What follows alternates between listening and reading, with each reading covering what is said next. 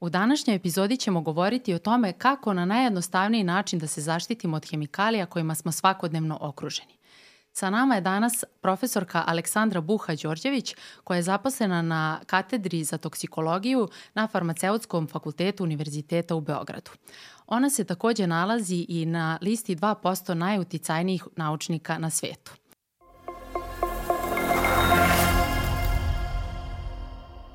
Dok smo se sada dogovarali kako bismo mogli da nazovemo današnju epizodu, provokli su se termini otrov i toksin. I možda bi bilo super da započnemo danas diskusiju tako što povlačimo jasnu razliku između ovih termina. Uh mhm. -huh. e, pa otrov je jedna, uh, jedan mnogo širi pojam u odnosu na toksin. Znači, to, o, toksin je vrsta otrova i uh, termin toksin odnosi se samo na one otrove koji su prirodnog porekla. Dakle, otrovi biljaka, životinja, gljiva, uh, otrovi bakterija. Uh, veoma često se u svakodnevnom govoru e, ta dva pojma izjednačavaju i veoma često se govori o prisustvu toksina svuda oko nas, a zapravo se misli na otrove. Tako da otrovi su jedan širi pojam, a jedna vrsta otrova su toksini. E sada kada pominjemo a, e, te stvari kao što su otrovi i toksini, a, e, ono što ja primećujem u poslednje vreme jeste da je ekspanzija tih vesti a, gde, su, gde nas, mogu slobodno da kažem, zastrašuju kako su toksini svuda oko nas, zatim iz toga se iz, proiz, iz toga proističu neke nove discipline, jako čudne, gde ljudi a, tumače razne proizvode na razne načine i od toga prave, ne znam, neke smjernice koje ne, mhm. Mogu da kažem da nemaju veze ni sa, nikakvo, ni sa fakultetima, ni sa ministarstvom zdravlja i tako dalje.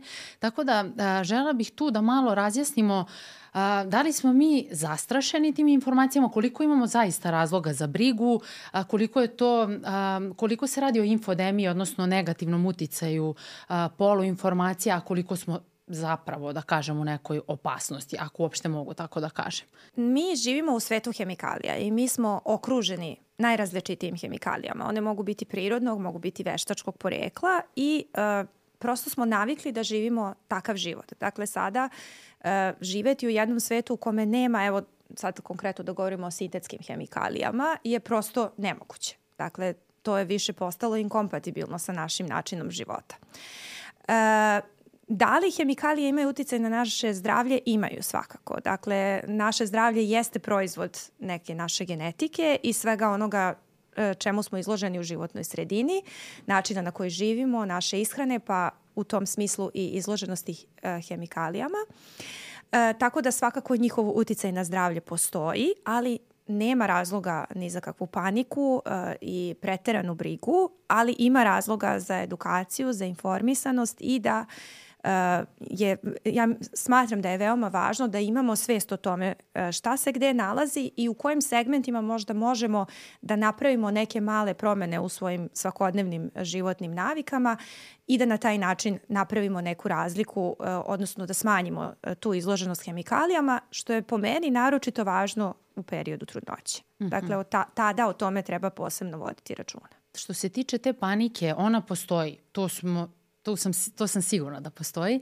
Um, I uh, smatram da je ta panika u stvari posledica tih polutačnih uh mhm, -huh, informacija. Uh mhm. -huh. Tako da lepo ste to rekli da je potrebna edukacija, ali... Um, sad se svašta naziva edukacijom, tako da zato, se, da. zato i razgovaramo jest, jest. na ovu temu, jer je baš, mislim da smo se totalno izgubili, gde mm -hmm. često uhvatim i sebe da više ne znam šta je tačno, šta je netačno, samo što uh, sam naša način da to proverim. Mm -hmm. I to smo i učili i na fakultetu i nakon tako fakulteta moramo tako konstantno je. da se usavršavamo kako bismo znali šta je tačno, a šta nije. E sad, što se tiče tih hemikalija, da li nam uh, možete reći ko, uh, šta je to što smo, čime smo okruženi u svakodnevnom životu i na šta biste nam vi skrenuli pažnju? Ono što se često dovodi u pitanje jeste plastika, pa možemo mm. da počnemo odatle. Pa mislim da je možda i najbolje da počnemo sa plastikom, podući da je to nešto što mm, svakako možemo da smanjimo upotrebu u svakodnevnom životu i postoje brojne upotrebe koje nisu esencijalne i koje se mogu smanjiti i to može imati dobre efekte ne samo na naše zdravlje nego i na našu životnu sredinu jer e, se procenjuje da godišnje proizvodimo milione tona plastike, a e, našoj životnoj sredini je potrebno da to uništi e, nekoliko stotina pa i hiljada godina. Dakle, to jeste jedan veliki problem i to jeste jedan, jedna oblast u kojoj svakako ima prostora da se naprave e, značajne promene. E, što se tiče hemikalija koje se nalaze u plastici,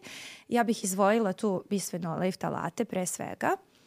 E, I to su hemikalije koje imaju efekta na naše zdravlje, dakle to je pokazano različitim naučnim studijama I ono što je možda najznačajnije jeste taj efekat koji one ispoljavaju na naš endokrini sistem. E, samo e, moment pre nego što uh mhm. -huh. pređemo na efekte, čemu služe ti, uh, te substance? Da, pa one su dodate iz najboljih namera. Dakle, jedna i druga se dodaju u plastiku da ih poboljšaju, da ih učine bolji. Recimo, konkretno bisfenol A se dodaje, i svi bisfenoli, ne samo bisfenol A, dodaje se u plastiku da je učini čvrstom. To je ona polikarbonatna providna plastika i tu veoma često često čuvamo hranu. I ona jeste vrlo praktična zato što je manje teška od staklene posude, na primer, i lakše se spakuje, lakše se nosi. E, sa druge strane, ftalati su plastifikatori i oni se e, da kažemo, umešaju u plastiku, dodaju se da bi plastiku učinili e, mekšom, otpornijom i recimo imate igračke koje su od takve plastike, onda mušeme koje koristimo u kuhinji, zavese za tuš kabine. Dakle, ti plastični proizvodi koji imaju izvesnu mekoću i fleksibilnost, što jeste naravno jedna super osobina, recimo kad imate dete koje će da se igra pa sad hoćete da mu kupite drvenu igračku, ona je mnogo tvrda pa se plašite da se ne udari, a recimo plastična ta fleksibilna ta te opasnosti nema, ali sa druge strane opet imamo prisustvo ftalata i o tome treba voditi računa. E sad možemo da se vratimo na uh mhm. -huh. utice, negativne utice na naš endokrini mhm. sistem, uh -huh. Ceo naš organizam. I uh, bisfenoli i ftalati imaju uh, taj, uh, tu osobinu da se u organizmu ponašaju slično estrogenim hormonima. Dakle, oni će se, uh, da kažemo, praviti da su estrogeni hormoni mm -hmm. u mhm. našem organizmu i proizvodit će efekte kao da su prisutni estrogeni hormoni. E sada, vas dve obe znate kao farmaceuti koliko je naš endokrini sistem važan i koliko je zapravo bitno da tu sve savršeno funkcioniše, da postoji određena ravnoteža hormona koje naš organizam pravi i da ne bi trebalo ništa od spolja da se u taj sistem upliće, a to naročito nije dobro u periodu razvoja i to je razlog zbog čega sam posebno pomenula period trudnoće i period detinjstva, znači te prve godine razvoja, kada su deca naročito osetljiva. I to su neke stvari o kojima bi uh, trudnice, buduće mame trebalo da vode računa. Naravno, opet moramo da naglasimo da nema mesta panici, da nema mesta tome da to bude neki dodatni stres za naše trudnice koje su inače, jel tako, u tom jednom, jednom vrlo delikatnom periodu izložene brojnim stresovima i strahovima.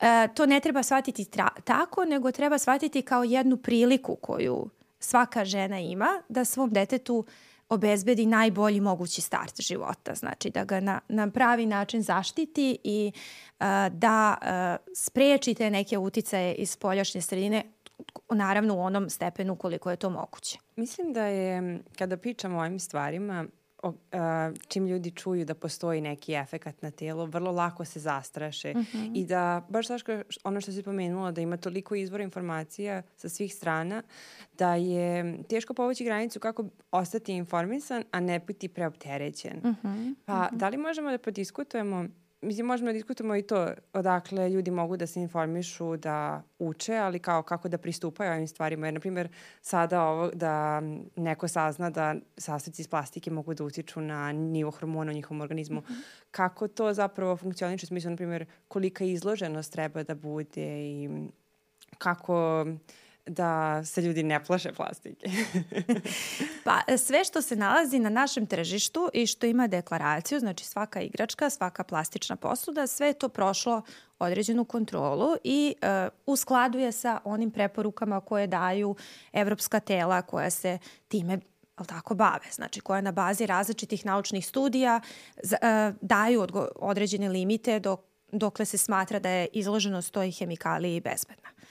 Naravno, postoje načini na koji i mi sami možemo da smanjimo tu izloženost. Dakle, mnogo toga je recimo u poslednjih 20-30 godina urađeno i sa nova su saznanja o tome kako endokrini ometači deluju na naš organizam.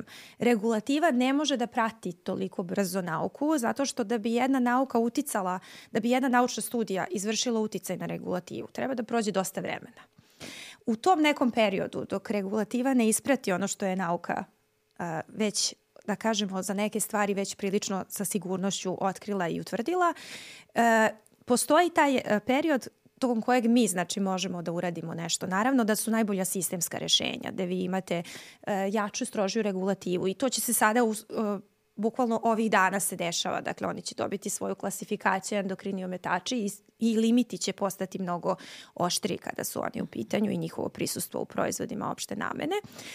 A, a, a Osim znači, sistemskih rešenja koja su svakako najbolja, postoji i mogućnost da mi sami svojim izborima smanjimo izloženost. I to isto nauka pokazuje. Dakle, rađena su istraživanja gde su, to su takozvane intervencione studije, znači ljudi, određena grupa ljudi se informiše, edukuje na pravi način i onda oni nakon određenog vremena im se izmeri nivoj hemikalija i utvrđeno je da zaista edukacija i informisanost može da utiče na smanjenje e, nivoa ovakvih hemikalija. Tako da u tom smislu, evo ja možda da damo neke savete, možda su mm -hmm, sada ovaj... Obavezno, ko ne treba. da, sad kao kako sada možemo da, da smanjimo. E, pa evo ja bih za početak dve osnovne stvari rekla, a to je da se nikada u plastici ne podgrejavaju jela. Mm -hmm. Nikada se plastika ne stavlja u mikrotalasnu pećinicu. Takođe bi trebalo izbegavati da se plastične posude peru u mašini za e, pranje sudova zato što to se onda novost. postignu... Mislim, da. kao to svi znamo, ali uvek ih ubacujemo. Ubacimo, da, da, da, da. Postignu se visoke temperature i onda imate veću opasnost da se bisfenoli ispuste i da sledeći put kad stavite neku hranu u njih u stvari... Ko će da pere sudove? će samo Makar stakleno. plastiku. I... Sve stakleno, sa, samo stakleno. Samo stakleno, da, da. da. Apsolutno je staklena posuda najbolje rešenje. Dakle, ko može da se u potpunosti odrekne korišćenja plastike za čuvanje hrane, to je svakako najbolje rešenje. E, takođe, ukoliko neku plastičnu posudu koristite, ne bi trebalo dugo da je koristite, jer što je duže koristimo, veća je opasnost da se oslobađaju bisfenoli, a ja znam da je naš običaj da se to čuva, zna, da. oni, one posude za sladoled, to sad ide generacijama se čuva po, po, po porodice. Da, događaj. Ali recimo, eto, to je jedna stvar na koju možemo uticati. Dakle, da. ne bi trebalo toliko dugo da se, da se čuva jer je veća opasnost. Što se ftalata tiče igračaka, ovaj, uvek treba nakon što se dete poigra sa plastičnom igračkom, trebalo bi da opere ručice. Isto tako održavanje higijene stana u smislu da se čisti prašina, jer na taj način smanjujemo i te nivoje koje su prisutni u tom nekom našem ambijentalnom vazduhu ovaj, ukoliko se koriste takvi proizvodi, ja sigurno ih imamo u kući. Um, iz ovoga meni je palo na pamet dosta nekih novih pitanja, ali jedno, jedna, dve stvari za početak. Uh, metalno, metalno posuđe, da li je to okej? Okay? E, stakleno neređajući čelik i e, stakleno posuđe je najbolje to. svakako, da. A, to je prva stvar. A druga stvar jeste, na primer, to je meni bilo zanimljivo, a, podigne se panika i buka oko bisfenola uh mhm, -huh, opravdano. Uh mhm. -huh. Međutim, a, onda sam čula od nekih ljudi koji se bave a, tim stvarima, a, podigne se panika, onda ljudi proizvedu nešto bez bisfenola, mhm. onda promovišu to na taj način, ovo je super, ovo je bez bisfenola, a onda se možda pojavi, doda se samo jedna mala hemijska grupa i pojavi se bisfenol B. Da li je to tačno? koji Tačno je, je apsolutno štetan jednako, ako ne da, i više ka, da, da. od bisfenola A. Dobro ste to pomenuli, da, to pa je baš važna tema. mi je zanimljivo baš i da se ljudi jeste. opet čuvaju marketinga. I... Jeste. Jeste, jeste. Da. To su takozvane regrettable substitutions, tako ih zovemo. Uh, dakle, odličan primjer je bisfenol. Bisfenol A je zamenjen bisfenolom S i bisfenolom F. Aha. Kao one su bezbedniji, oni su bolji. Uh, imate gomilu proizvoda na kojima piše BPA free, ali to ne znači da nema bisfenole. Uh, kas, uh, kasnije istraživanja su pokazala da bisfenol S gotovo jednako iste toksičnosti mm -hmm. kao i bisfenol A. I sličnu priču imate i za PFAS jedinjenja, odnosno za takozvane večne hemikalije. To je isto jedna velika grupa jedinjenja.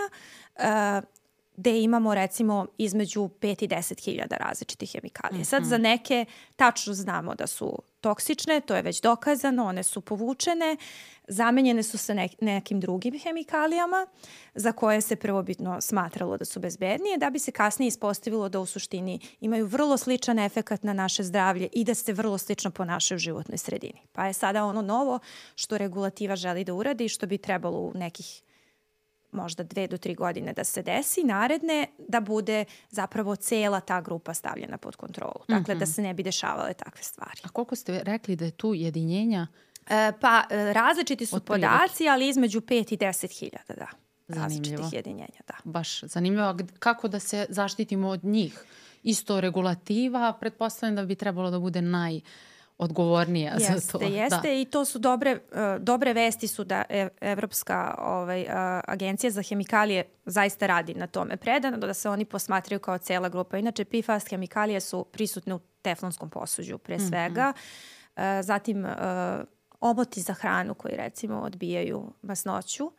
E, to je recimo omoti za brzu hranu, na primjer. A, to ste verovatno primijetili kad uzmete onako je baš lepo, lep je osjećaj na rukama, da, nema da, da masti, da, da, ne umaste vam se ruke, ali to su prosto One ti premozi. Kutice što nam jeste, stižu sa jeste, klopa. Jeste, jeste. I pizza, recimo kutija od pizza, ona je sa unutrašnje strane vrlo često ovaj, premazana PFAS hemikalijama. A sad, to pretpostavljam da se ljudi ne bi zabrinuli, to je kratkotrajno, da će kratkotrajan kontakt sa hranom opet utiče, je li tako? Pa ne znam oni, oni mogu, ovaj, da, da, da.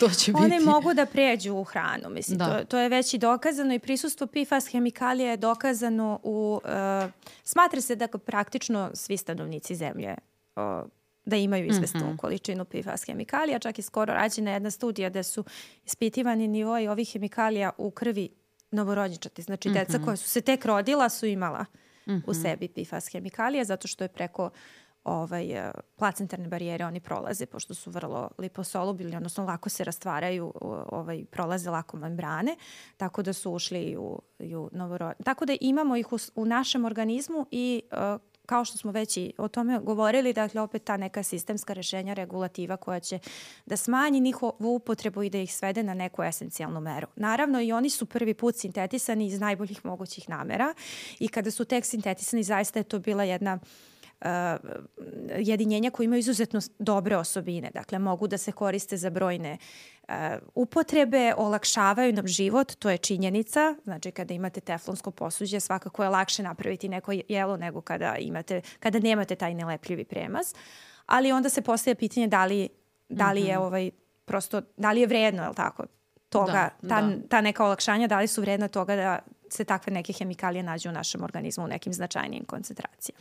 Ono što je meni sad palo na pamet, to sam isto čula na jednom od vaših predavanja, mm -hmm. ne znam, baš sa katedre e, za toksikologiju, da se ftalati nalaze u parfemima. Jeste. I ja, ja sam to uvek nekako ljubitelj. Na, ja namerno zaobiđem, da. ali... kao nikad ne pomenem te ftalate, da, ali jeste, da, oni su, su fiksatori mirisa, da. Da, da ali e, pa, stavljati ja parfem se... možda na, mislim ja svakako nanosim parfem na kosu, ne znam sad Znam i to kosa će možda da ispuca, da bude suva, ali nekako ne plašim se baš toliko. Ne treba ići u krajno. Znači, ja nikako nisam za to da, da ovaj new ageizam, što da, se tako da, zove, znači, apsolutno. da sad kao ništa ne smemo da koristimo daleko od toga, ali recimo ako govorimo već o fiksatorima mirisa, znači imate uh, recimo mirišljave sveće Mm -hmm. i mhm. različiti uh, sredstva koja se koriste za osvežavanje prostora, na primjer. To isto sadrži ftelate. I sad tu treba čovjek da napravi neku ravnotežu. Da li mu baš sve to treba? Da li mu treba toliko puno plastike? Da li mu treba osveživač prostora? Dakle, ne, ne mislim da treba sve da se izbaci, da, da se sad vratimo, ne znam, jakoliko godina unazad, ali možda neke stvari sa koje nam možda toliko i ne znači i ne, ne olakšavaju nam baš toliko život da, kojih da. možemo da se odreknemo. I naročito period trudnoće, to je ono što uvek podvučem i naglasim, mislim da tada treba da budemo malo rigorozniji što se toga tiče. I ono što je Jovana pomenula malo pre što se tiče informisanja, uh -huh. a, kako da ne pomenemo a, vaš projekat, projekat, to ćete, vi ćete ga malo detaljnije uh mhm. -huh. predstaviti, a to je informisana mama zdrava beba. Ja sam to naravno ponela.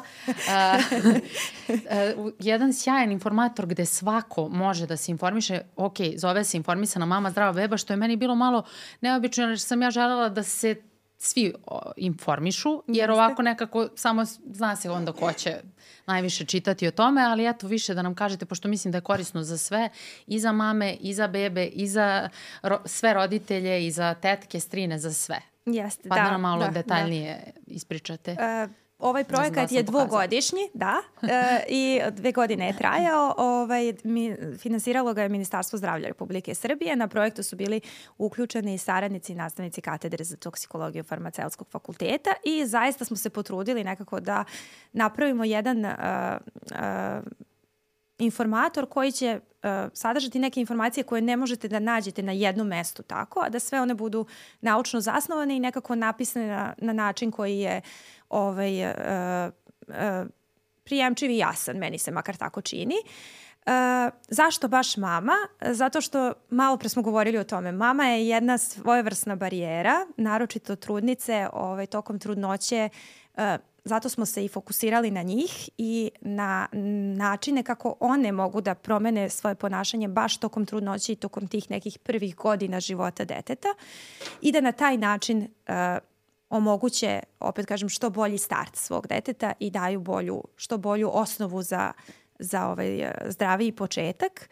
E, naučne studije su pokazale da izloženost hemikalijama u trudnoći e, može imati značajne efekte kasnije tokom života na razvoj bolesti, na zdravlje jedinke, pa čak se e, neke novije studije pokazuju da može da mogu da se jave transgeneracijski efekti. To čak mm -hmm. znači da ne samo naše dete, nego i naše unuče i praunuče, da mu na neki način prenosimo uh, tu našu izloženost tokom trudnoće. Mm -hmm. Dakle, jeste to možda veliki teret i jeste to možda velika odgovornost, ali trudnoća jeste takva. Mi smo odgovorni za jedno novo biće I ja uvek kažem, ne panika, nego samo kao prilika. Edukacija. Prilika, da. edukacija jeste i prilika da se detetu omogući što bolje zdravlje kasnije. I to je sve ono što svaka mama zaista i želi tokom, tokom trudnoće i, i naravno kasnije tokom celog roditeljstva. Što se tiče ovog informatora, on je potpuno besplatan i ostavit ćemo link uh, gde je, možete da, da ga preuzmete. Da, jeste. Jako sam zahvalna za ovo. Ja ga koristim, iako nisam ni mama, ni A, dobro, trudnica. Da, ali, naravno, nije on ograničen samo. Da. pa da, nije ograničen. Mi smo čak imali neke komentare kad smo pravili par ovaj... Uh, info dana, vi ste bili na jednom od njih prisutni, pa smo imali komentare zašto tu nema tata, pa zato što su mame u fokusu. Znači, da. mame su ipak tu bitnije zato što je njihovo telo to koje će uh, za, dati taj početni ovaj, start i uh, odrediti početni nivo hemikalija u organizmu, ali što da ne, u, nekim, u nekoj budućnosti uključit ćemo i tate i pokušat ćemo i njih da edukujemo na pravi super, način. Super, da. sigurno sam da će već dosta njih da se uključi i da je već i uključeno, ali da, razumem apsolutno da, naslov. Da.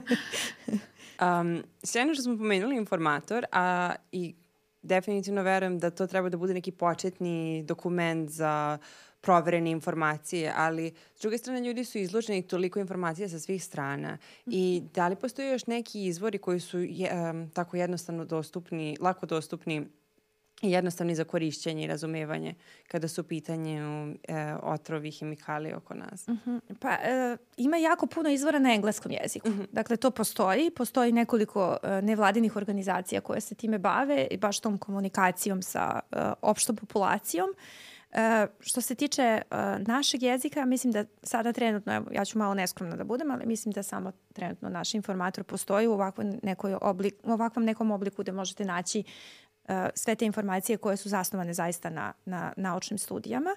E, mislim da ono što je jako važno u budućnosti da se radi jeste i edukacija novinara e, i uopšte medija, način na koji se o ovakvim stvarima treba pričati u uh, javnosti. Uh, ja sam recimo imala iskustvo da nakon jedne izjave gde sam rekla da u trudnoći ne bi trebalo da se jede više od dve porcije ribe nedeljno, da je izvučen naslov nemojte jesti ribu puna je hemikalija. Dakle, to je eto taj neka, neka želja za senzacionalizmom da.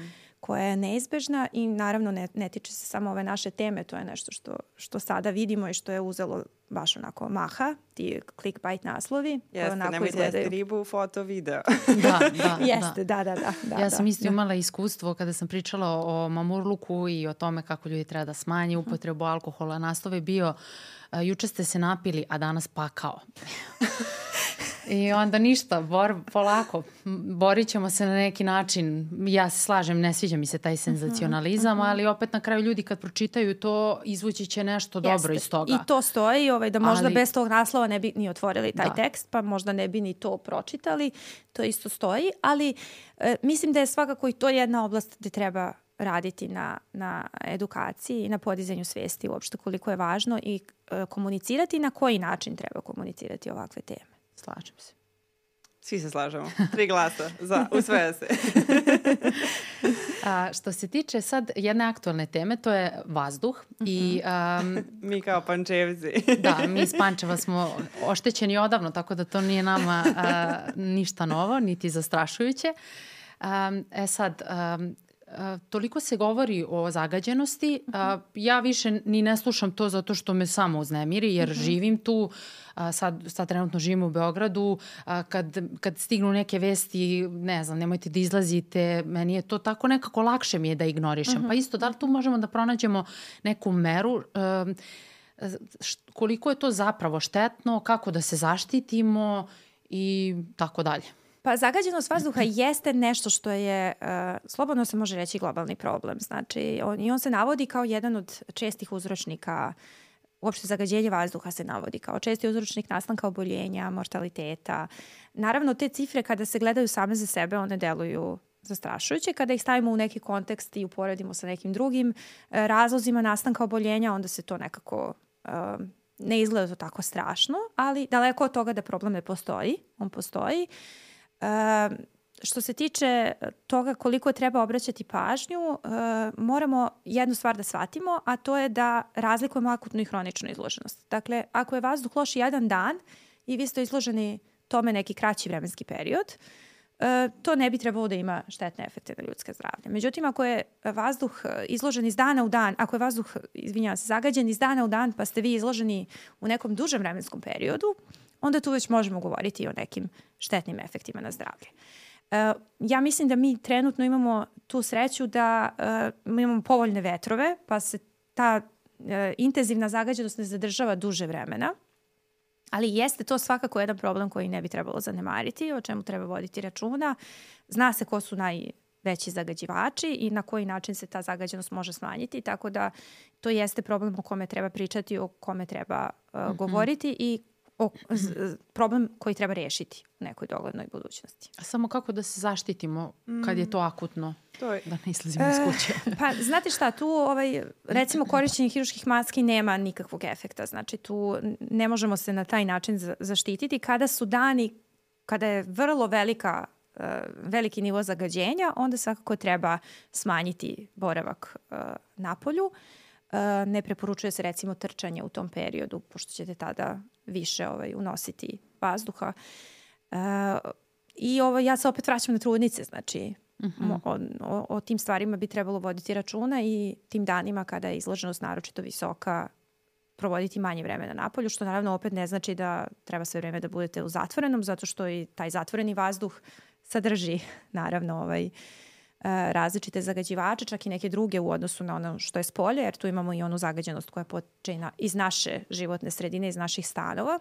E, tako da ovaj, e, e, neophodno je taj problem rešiti svakako i to je to nije samo problem naše zemlje, to je jedan globalni problem ko, o kome treba voditi računa i koji treba da se reši. A da li su prečišćivači vazduha, ono što ljudi uzimaju da imaju kod mhm. kuće nešto, tipa dobra metoda da se sačuvaju malo od zagađenja? E, znate kako, to je vrlo sad teško da davati takvu jednu preporuku jer to su uređaji koji su jako skupi. Dakle, ja sad ne mogu da kažem da to ne vredi, ja ga recimo konkretno imam, zato što imam malo dete i onda mi znači u nekim ovaj, trenucima da se taj vazduh prečisti, ali opet ne možete da, da date preporuku i da kažete sad vi svi treba da kupite. Da, jer je nekako opterećujuće naravno, za većinu naravno, ljudi. Naravno, I finansijski. Naravno. Tako je, tako je. Ali opet kada je u pitanju vazduh u našom, našim stanovima, o, kome naravno prečišćivač vazduha vodi računa i on to prečišćava, onda se dosta toga može uraditi i održavanjem higijene. Znači, e, stalno treba da se usisava, da se prašina sklanja, mokre krpe, dakle ne suve krpe jer će se na taj način prašina ove na sve strane razneti, nego treba uvek mokrim krpama to da se čisti i na taj način ste uradili pola posla. Dakle, učinili ste vazduh u svojem životnom okruženju mnogo čistiji. Mm -hmm. mm, mene ovo polovno razmišljanje kad pričamo to i zagađenje kod kuće ili u okviru mm -hmm. nekog prostora, na primjer, ljudi koji rade u frizerskim salonima, oni su stalno izloženi gomilima isparenja od svih spreva Jesu, i svega. Da, I s druge da, strane, da. dezodoransi takođe. Mm -hmm. Pa da li je možda to nešto što je vredno pomena i diskusije kao kako, kako pristupiti tome? Da li smanjiti upotrebu ili promeniti preparate, da li postoji nešto što je bezbednije? E, pa da, jeste to jeste problem i recimo frizerski kozmetički saloni, ovaj, ljudi koji tamo rade su profesionalno izloženi i još jedan problem koji se tu javlja jeste i uh, postojanje tih e, profesionalnih preparata koji se sada stavljaju u slobodnu upotrebu, da vi to možete da kupite uh, kao profesionalni preparat za negu kose, pa da ga koristite kod kuće, a da ga onda ne koristite na odgovarajući način. Jer uh, frizerski radnici e, sigurno znaju kako to treba da se upotrebi, znači da treba da imaju neku zaštitnu opremu, da stave rukavice, da stave odgovarajuću masku. Mi to ako koristimo kući, naravno to nećemo, da, nećemo raditi, tako da eto to je isto jedna, jedna ovaj, značajna stavka o kojoj treba pričati. Pomenuli ste dezodoranse, dezodoransi se vezuju za e, prisustvo aluminijuma, tako je. E, Što se aluminijuma tiče, aluminijum e, se nalazi u našoj hrani, naročito onoj prerađenoj, e, s obzirom da e, ga ima u brojnim aditivima, tako da smo mi aluminijumu izloženi i svi smo mu izloženi, dakle ima ga recimo i u majčinom mleku, to je jedan od načina unosa aluminijuma kod dece.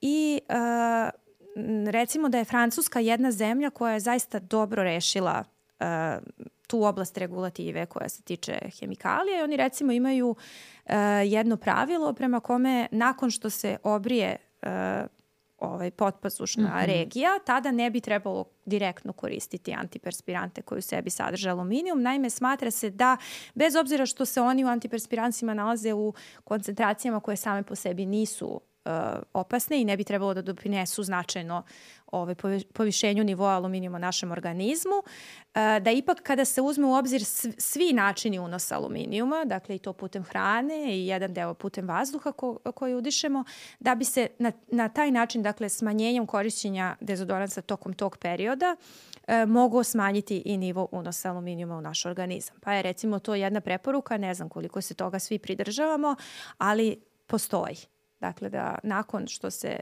uh, uradi uh, nakon što se koristi brijač, ne bi trebalo odmah koristiti mm -hmm. dezodorans koji sadrži aluminiju. E, imam još jedno mini laičko pitanje koje se nadovezuje na ovo, jer unos aluminijuma zvuči nekako strašno. A šta to zapravo znači? Kao, koji su da, efekti da, svega da, toga? Koje pa, su posledice? Aluminijum se recimo vezuje, do duše to još nije u potpunosti dokazano, ali se recimo vezuje za nastanak Alzheimerove bolesti. Dakle, postoje dokazi koji da, govore u prilog sada, tome. Što se tiče Alzheimerove bolesti su neka nova saznanja da i šećer običan koji konzumiramo svakodnevno Absolutno. dovodi Absolutno, do nastanka jest. Alzheimerove bolesti, tako da mislim da imamo mnogo više razloga za brigu kad je šećer u pitanju jer ga prekomerno koristimo nego uh mhm, -huh, aluminijum. Uh -huh, uh -huh. Jer Alzheimerovu bolest e, nazivaju sad diabetes tip 3, mislim nije još aha, uvek, aha. ali eto, tako da svakako ima dosta raz, mislim dosta je to široka tema, nekako čini mi se da se pojedin, pojedinci uhvate tako nekih stvari i onda Jeste. samo se to priča aluminijum, aluminijum, hajde da napravimo proizvode bez aluminijuma. To je moje, moje viđenje. Uh -huh, da li uh -huh. sad, ne znam, neko to možda radi iz najbolje namere, ali mislim da se stvara zabuna velika. Pa jeste, da. Dosta toga postoji na tržištu što je kao neka ma, mamac prosto za, da. za, za ove potrošače e, koji ide na tu stranu sad, da, da se, da se promoviše neki zdravi život, pa recimo uh, ja se uvek tu setim soje za koju ljudi verovatno misle da je jako mnogo zdrava, pa čak postoje i neke uh, situacije gde se mlečna dohrana zamenjuje sa sojinom, što apsolutno nije nešto što bi trebalo raditi. Znači, na taj način se recimo unosi dosta aluminijuma, mm -hmm. a mhm. pored aluminijuma naravno i velika količina fitoestrogena. To su substance koje se nalaze u soji, a koje u našem organizmu deluju kao endokrini ometači, odnosno re, aktiviraju naše estrogene receptore. Imitiraju ženske polne hormone. Tako je, tako? tako je, tako je. I uh, sada kada to date jednom novorođenčetu, onda to naravno nikako nije dobro. Tako da, eto recimo to se verovatno ja imam makar utisak da se promoviše kao nešto Da, ovaj, zbuni, zdravo. zbuni pa vladaj. Pa, Pa baš jeste, tako, da. jeste, jeste. I uvek postoji to, ako je nešto prirodno, onda je sigurno zdravo i sigurno je dobro i ne može da škodi, a to apsolutno nije tačno. Slažem se. To svaki put pomenemo zato što postoji puno alergena iz, Jeste, baš iz jeste, prirode, a i toksina ili ispravite me otrova Jeste, kako, jeste, jeste. koje nam Jeste. dolaze E, to su baš toksini. Da. da, jeste, I jeste. to smo još na početku rekli, ali i hemikalije se često poisto većuju sa toksinima. To mi je isto onako Mhm. e, poprilično, ne mogu da kažem iritantno, nego vidim da stvara veliku pometnju i izbu, zbunjuje apsolutno sve. Da, pa tu terminologija nije baš u potpunosti je nismo baš savladali, zato što recimo kad kažete hemikalija, to je baš onako širok pojam. Hemikalija vam je i voda, na primjer. Da, da, i Znači, vazduh. jeste. I sve. Sve je, sve je hemikalija na kraju krajeva. Tako da kad kažete život bez hemikalija, to je nemoguće. Da, znači to, da, to je da. inkompatibilno sa životom. Mi smo zapravo se sastojimo od velikog broja hemikalija. tako Slažem da tu nismo ovaj, dovoljno precizni kad tako govorimo. Da. To. A, što se tiče, pominjali smo a, čistoću mesta u kom živimo i tu bih pomenula mikroplastiku i jedan, e, ono što je ostalo meni kao jedna senzacija u glavi jeste um, na, ne znam, tokom celog života čovjek pojede jednu karticu plata. Da, to, Tako je to svi te ovaj, da. navode taj. Da. Zato što Da, je da. totalni... Jeste, jeste. Mislim, meni je to čak bilo i simpatično, nisam se uplašila. Kao, ok, šta je jedna kartica? Ništa strašno. Još ako ima nešto na njoj, nekih sredstava. Pa da, mikroplastika jeste ovaj problem, naročito sa aspekta životne sredine. Znači, o, o tome zaista treba razgovarati. Ovaj, jeste jedan važan problem kada govorimo recimo o, životu u okeanima, u morima. Dakle, to, to zaista može biti problem i, i, i već jeste. E, mikroplastika možda možemo da smanjimo nastanak tako što ćemo da pre, pres- prestanemo da budemo tako veliki potrošači. E, velika količina e, sintetike koja se e, kupuje i to sve onako se mnogo kupuje i onda se odatle mo- može formirati e, mikroplastike. Recimo kad peremo veš, bilo bi dobro da se što više veša napuni, da se veš mašina dobro napuni jer će se onda manje stvarati tih vlakana, odnosno manje će nastajati mikroplastike. Tako da, eto, to je jedan od načina kako možemo mi da utičemo na, na to da se mikroplastika smanji u životnoj sredini. Stop konzumerizmu i renesansi. Ali e, ja sad sam, palo mi na pamet jedno pitanje, to mene stalno pitaju na Instagram stranici, da pričam o omekšivačima i o deterđentima. E sad, samo neko vaše mišljenje, ne mora uopšte da bude stručno, previše, zato što uh, ja sam sebe uhvatila u jednom momentu da sam sve, baš zbog toga, dok nisam toliko istraživala, da sam um, bila pod dejstvom tih svih informacija i onda sam prestala da koristim omekšivač. Onda sam ubacivala sirće i što kažu da je okej, međutim, meni su stvari smrdele na sirće i ja sam rekla ja ovo neću. Onda sam vremenom sve tako, baš kao što ste rekli i u informatoru sam pročitala samo da što više veša bude, koristim jako malo omekšivača i deterđenta, ali sam rešila da se ne opterećujem time. Pa neko vaše mišljenje. Pa mislim da ste dali najbolji savjet.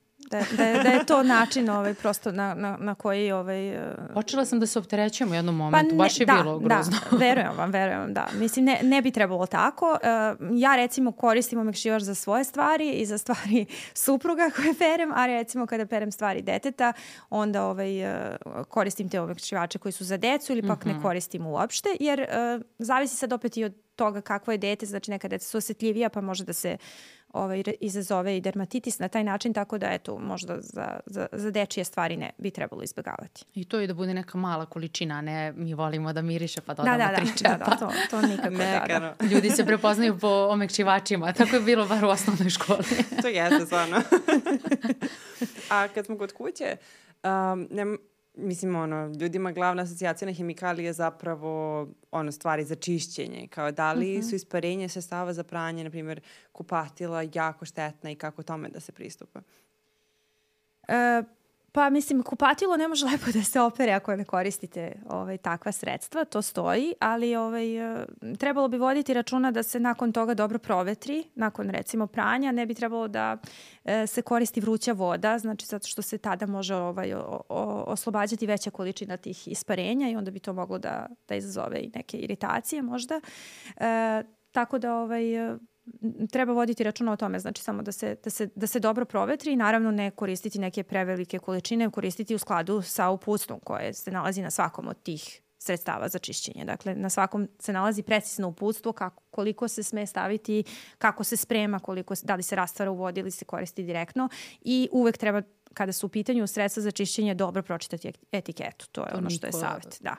99% ljudi to ne radi. Ja sam posle nekog od predavanja počela to da radim, ali ne stalno, nego samo sam shvatila da, na primjer, ja sam uvijek dodavala vruću vodu i onda kao sam pročitala da, baš da, da ne treba, ne treba jer sam mislila kao to će sigurno da bude bolje. Onda je još bolje, da, da, da. da, da. da. da, znači tu kada su u pitanju sredstva za čišćenje, onda svakako treba dobro pročitati etikete i upu, postupati u skladu sa uputstvom. A sad, dosta ljudi koristi te prirodne stvari, sirće i to. I sad, uh mhm. -huh. ja nisam još probala, čak sam videla da koriste pek papir za skidanje kamenca. Probaću to, eto, čisto šta kad je već tu. To sam tu. ja videla, da. I mi probaću, ra pa ću javiti. tome da, da. Probam, Jer ako, da. ako radi posao, što da ne? Mislim, što yes, da ne, super yes. je stvar, ali Za sirće sam par puta probala, međutim, ono se baš isto osjeća, tako da ne znam. Šta vi mislite o tome? I to je okej okay ako, ako radi Jeste, posao. naravno, naravno, naravno, apsolutno. Ako postoje zamene koje su ovaj, prihvatljivije, a sirće to svakako jeste, mm -hmm. onda to se svakako može koristiti i preporučuje se. Htela sam da pitam šta vi mislite o um, toxin free ili low tox trendovima. To je sad baš popularno i uh, ljudi čak mogu da kažem stavljaju opise svojih profila na Instagramu da su vodiči za to. Ne znam sad kako bi ih ni prevela to jer stvarno ne znam. Da su voditelji low tox, ne voditelji, vodiči. Low Life to, coach. Ali low tox coachevi. I, jo, baš to nisam videla. Pa ima svačega. Mislim, ne pričam samo o Srbiji, pričam o da, da, da, globalnom da, da, da, da, tržištu. Da, da. I samo, ok, da neko daje smernice, međutim, isto mislim da je to novi, novi, uh, novo zanimanje.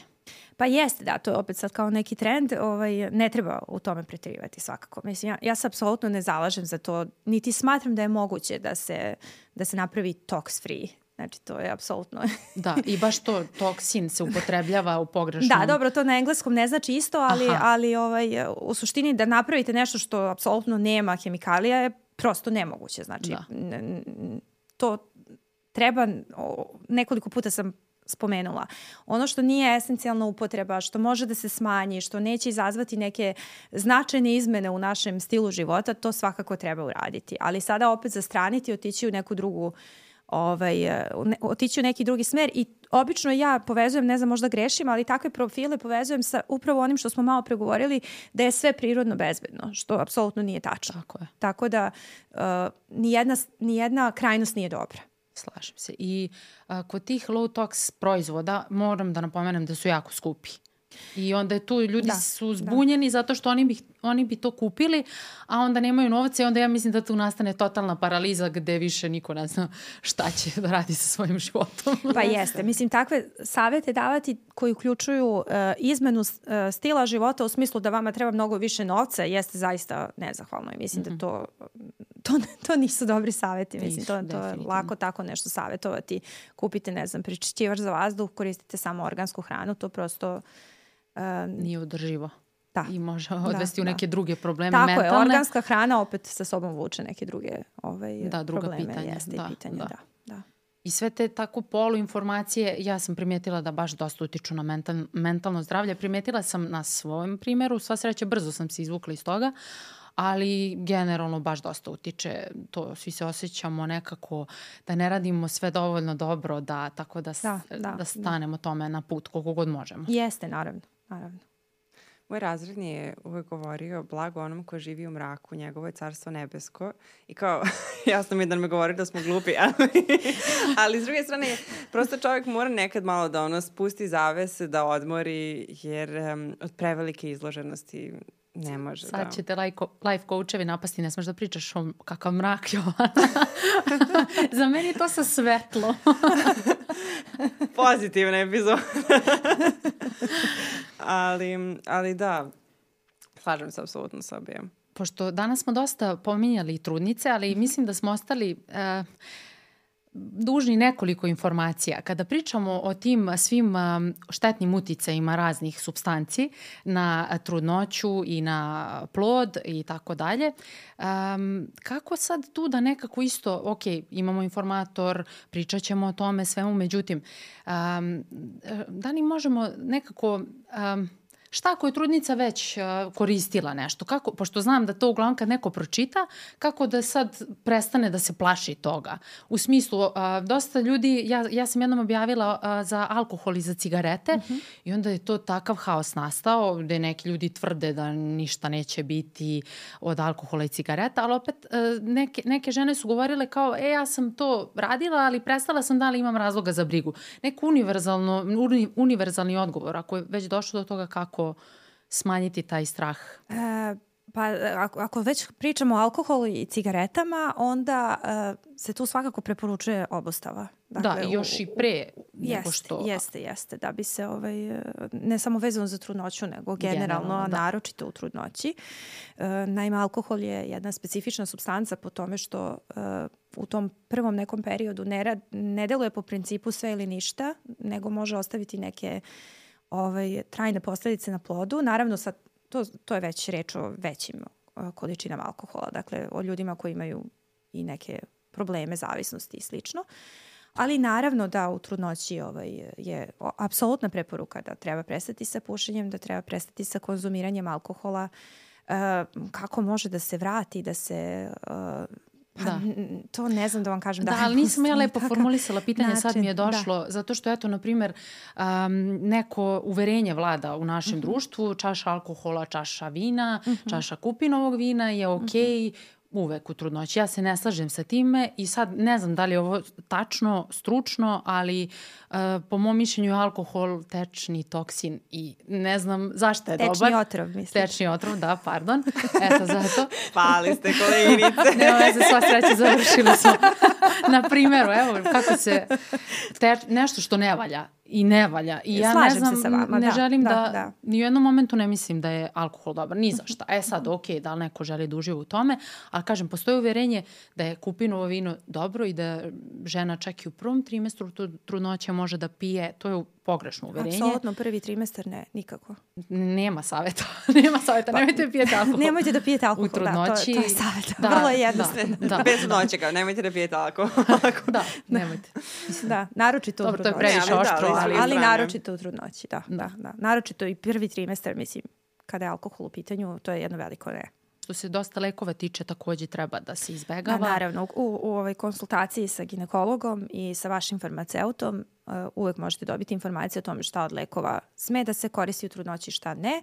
I naravno, u tokom perioda trudnoće uh, upotrebu lekova treba ograničiti samo na one situacije koje su zaista gde je zaista neophodno da se oni koriste. Mm -hmm. Ono što mi kao pada na pamet, na primjer, šta ako neko lupam prve tri, četiri nedelje dok ne, ne mm. shvati da je žena trudna, kao, a nastavila je sa svojim normalnim životom, mm -hmm. kao koliko je to uticajno ili koliko će to traumatično biti kad osvesti šta je sve uradila dok...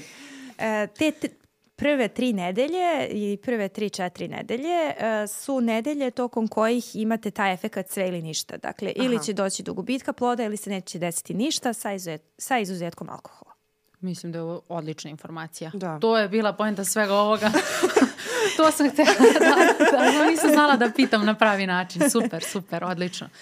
Da, što se... Kasnije je već drugačija priča. Znači, I to, da, nakon, i to što smo... Da, Izvini. Nakon prvog trimestra je već drugačija priča, znači tu već sad imate, nakon te, tih nekoliko prvih nedelja, već imate uh, situacije gde može da dođe do efekata na plod, da on preživi i da se rodi, da se rodi dete naravno.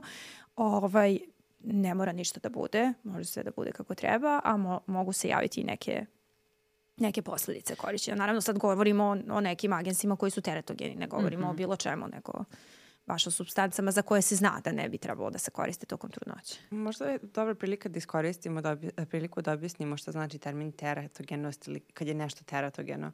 Znači to znači da ima uticaj na plod, je li tako? Tako je, tako je, da.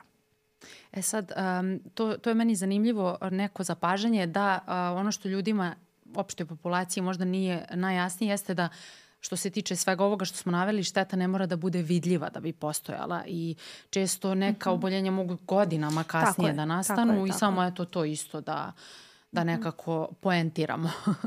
da, pa jeste, tako je. Da. Govorili smo čak i o transgeneracijskim efektima. Da, znači, da. postoje dokazi da se ti efekti čak prenose i preko nekoliko generacija. Mm -hmm. Tako da ne moramo naravno videti odmah, ali opet Hoćeš možemo da pređemo na pitanje iz publike? Možemo, da. Mi smo ostavili na mojoj stranici vašfarmaceu.rs smo postavili pitanja Uh, to jest ostavili opciju da ljudi postavljaju pitanja, tako da smo vam spremili neka mhm, zanimljiva dobro, dobro. pitanjca.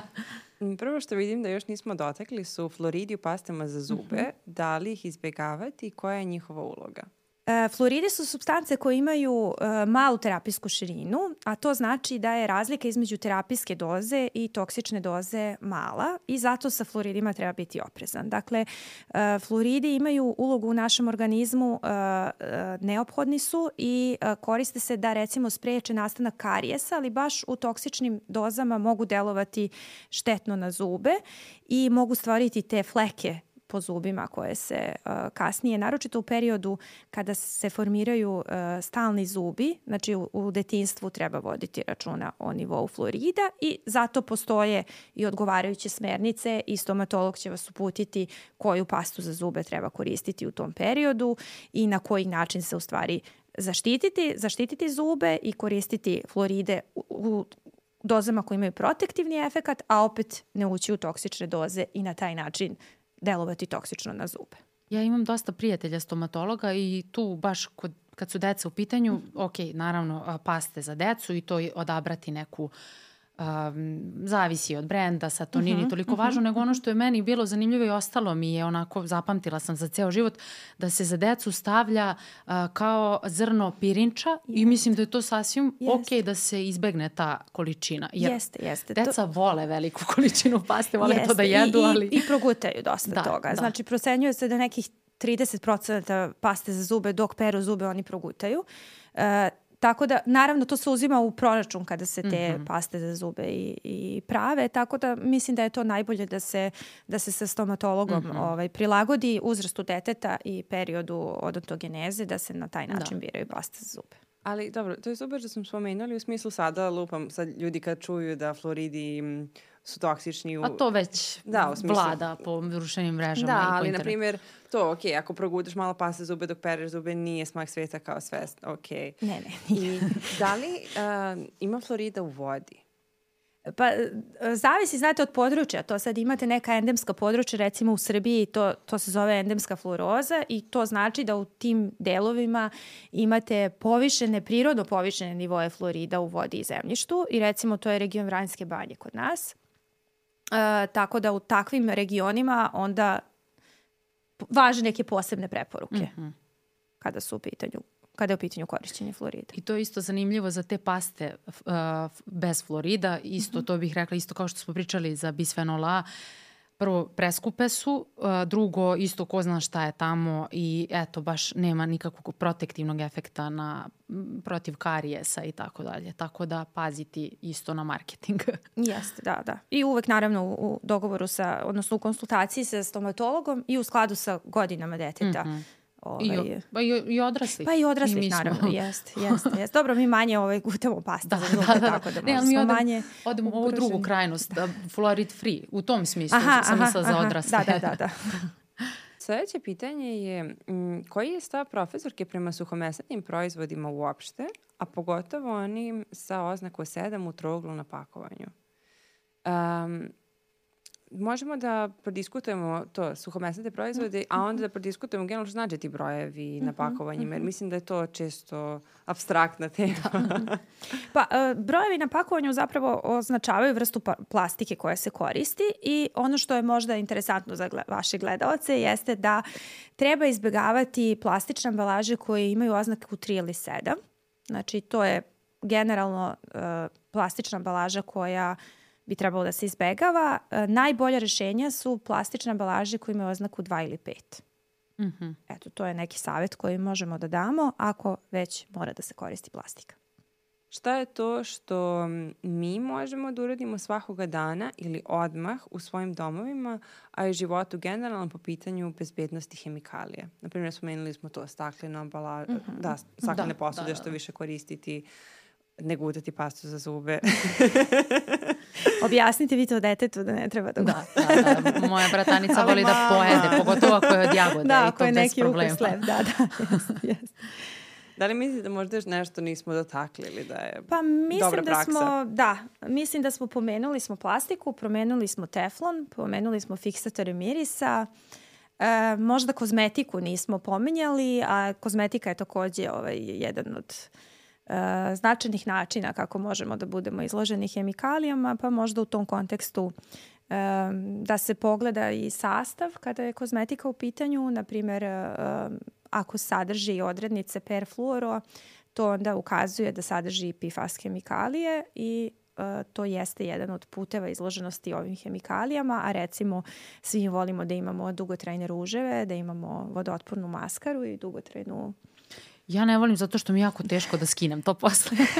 e pa dobro, da, ali, vi to da. ne, ali, ali obično kad ima taj prefiks da je nešto dugotrajno, onda bi trebalo proveriti. Super da ste to pomenuli. Yes, verujem, da, yes. Meni je, meni je faca puna sve Da, i recimo konac za zube isto može Aha. sadržati PFAS hemikalije, pa možda eto i tu ove, eventualno proveriti. Naravno, opet kažem, ne možemo u potpunosti da smanjimo izloženost, to je prosto nešto što je tu u prirodi i izloženi smo im, ali donekle možemo smanjiti nekim možda odricanjem nekim, od nekih navika koje nam nisu esencijalne. Znači što se tiče uh, šminke, uh, ako na deklaraciji stoji bilo šta što ima, samo da vidim da sam dobro razumela, per fluoro, mm -hmm. kako već, mm -hmm. nije baš najbolja opcija. Pa, uh, ne treba, ne treba koristiti svakodnevno. Da, da. Eto, to bi bio okay. moj savez. Znači, ne treba koristiti svakodnevno. Jedno jako zanimljivo pitanje jeste da li uh, se pojedini lekovi, to je tragovi od pojedinih lekova nalaze u vodi i uh, koliko mi lekova unesemo na taj način tokom cijelog života. Uh mhm. -huh. Pa evo recimo ja bih dala tu primer, često se govori o estrogenosti vode uh mhm. -huh. i uh, zapravo da se, da se u vodi nalaze kako ženski hormoni, tako i substance koje deluju na naše estrogene hormone, odnosno naše estrogene receptore. I recimo rađene su istraživanja gde, ispiti, gde su ispitivani ti nivoji ovaj, tih substanci u recimo vodotokovima. One zaista postoje. Dakle, prisutne su. Uočeni su neki efekti recimo koje ispoljavaju na ribama, dakle dovode recimo do uh, um, nastanka hermafroditnih vrsta i slično. To jest, da, ne zna se da li je muško ili žensko. To jest Recimo, oba da, da nakon nekog vremena uh, ribe koje su muškog pola krenu da Aha. produkuju jaja. Uh, I to jeste zaista dokazano. Međutim, ispostavilo se zapravo da ta estrogenost najvećim delom potiče kao posljedica uh, humanog urina žena koje uh mhm. na taj način izlučuju velike količine estrogena i, na, i takođe iz stoka e, naročito tokom graviditeta, izlučuju se velike količine i to je zapravo glavni uzročnik estrogenosti vode. Naravno, tome doprinose donekle i kontraceptivne pilule koje se takođe izlučuju putem urina, uh, tome doprinose i substitucijona terapija koja se koristi, ali u mnogo manjoj meri. Mm -hmm. I uh, činjenica je da lekova ima u životnoj sredini i da ih možemo smatrati zagađivačima. Činjenica je i da ta analiza koja postoji, koja se radi za svaki lek pre nego što dođe na tržište, ispituje se kako će on delovati na životnu sredinu ali ne ulazi u onu krajnju procenu kada se odlučuje da li će lek izaći na tržište, znači to se ne uzima u obzir, nego ukoliko se ispostavi da će delovati na životnu sredinu, dobije odgovarajuće oznake. Te u tom smislu jeste važno kako postupamo sa lekovima. Znači to jeste nešto o čemu treba voditi računa, ali e, svakako nije primarni način na koji ćemo mi biti izloženosti, izloženi e, i evo na ovom primjeru estrogenosti vode vidjeli smo zapravo da e, veoma malo ta, ta izloženost koja je zapravo posledica sintetskih estrogena koji su iz mhm. lekova doprinosi kompletno estrogenosti vode. E sad pomenuli ste, važno je kako se mi ponašamo sa lekovima kojima istekao rok. Šta biste tu naglasili? Mislim, to i mi možemo pa da, da prokomentarišemo ne... u smislu da lekovi kojima istekao rok vratimo u apoteku. E, sad. Tako je. Čak ne lekovi kojima istekao rok tipa uh, lupam treba da se pije neki lek 10 dana, ali ste uzeli dve kutije, to traje za 14 dana i ostavite četiri tablete. Mm -hmm. kao. To smislu nije niste kao rok, ali prosto taj lek ne treba da, da se pije da. i treba da se nekako mm -hmm. odloži mm -hmm. i kao šta da radimo sa tim. E sad tu se dovodi drugo pitanje. E, mene ljudi često pitaju gde da vrate. To je jako malo apoteka. To jeste, radi, ali... jeste problem, da. To je regulisano, znači zakon postoji, ali jako, u jako malo apoteka. Da. To je ono što bi bilo pravilno, jeste da se oni, dakle ne, ne idu u komunalni otpad, nego da se vrate u apoteke i da se onda na odgovarajući način odlože. Po ustavu čovek ima pravo na zdravu životnu okolinu. Zašto nas onda truju, a nemamo kome da se žalimo? Filozofsko pitanje. Jeste, jeste. Da, da, da filozofski završimo, da. Pa jeste, ovaj, to je jedno od osnovnih životnih ljudskih prava, jeste zdrav, pravo na zdravu životnu sredinu i to je nešto što jeste u nekim ciljevima ovaj, no, brojnih organizacija koje se bave zdravljem. Uh, tako da ja se sa ovim sla, slažem, ali se ne, ne slažem sa ovim delom da nas neko truje namerno. Znači to ne mislim da, da se na taj način dešava. Uh, I uh, regulativa je iz dana u dan sve bolja i bolja. To je ono što je uh, dobra stvar i što treba istaći. Uh, na, naučne studije se rade i kada se uradi jedna procena uh, i neka doza uh, ovaj, uh, označi kao bezbedna, to se i dalje ispituje i ukoliko se uh, ispostavi da nešto nije dovoljno bezbedno, odnosno da je ta doza niža, te re, e, referentne doze se smanjuju. Mm -hmm. I mhm. tome smo svedoci. Znači, mno, mnoge su situacije, evo sad konkretno, skoro su u Americi desilo, baš za PFAS kemikalije, da su ti nivoji koji su dozvoljeni smanjeni za nekoliko stotina puta, znači u odnosu na ono što je bilo ranije, da je smanjeno na osnovu novih naučnih istraživanja. Dakle, daleko od toga da se o tome ne vodi računa. Mm -hmm. E, kome da se žalimo, pa postoje znači, brojne organizacije koje se bave time, tako da postoji način na koji se može delovati, a postoji način i da mi sami delujemo, da smanjimo svoju izloženost i to je ono o čemu smo pričali, tako da samo na oba načina, a to je dakle i dobra sistemska regulativa i sistemska rešenja koja se moraju donositi na nivou celog sveta. Evo i sad ja da mhm. budem malo ovaj, filozofski nastrojena, ali to jeste tako. Znači ne vredi imati dobru regulativu samo u jednoj zemlji jer hemikalije ne, pozdravaju, ne poznaju granice i recimo dobar primjer je da vi imate prisustvo PFAS hemikalija koje je dokazano, na primjer, na Antarktiku i na, na Artiku, da nikada one nisu korišćene, ali su prosto tamo stigle.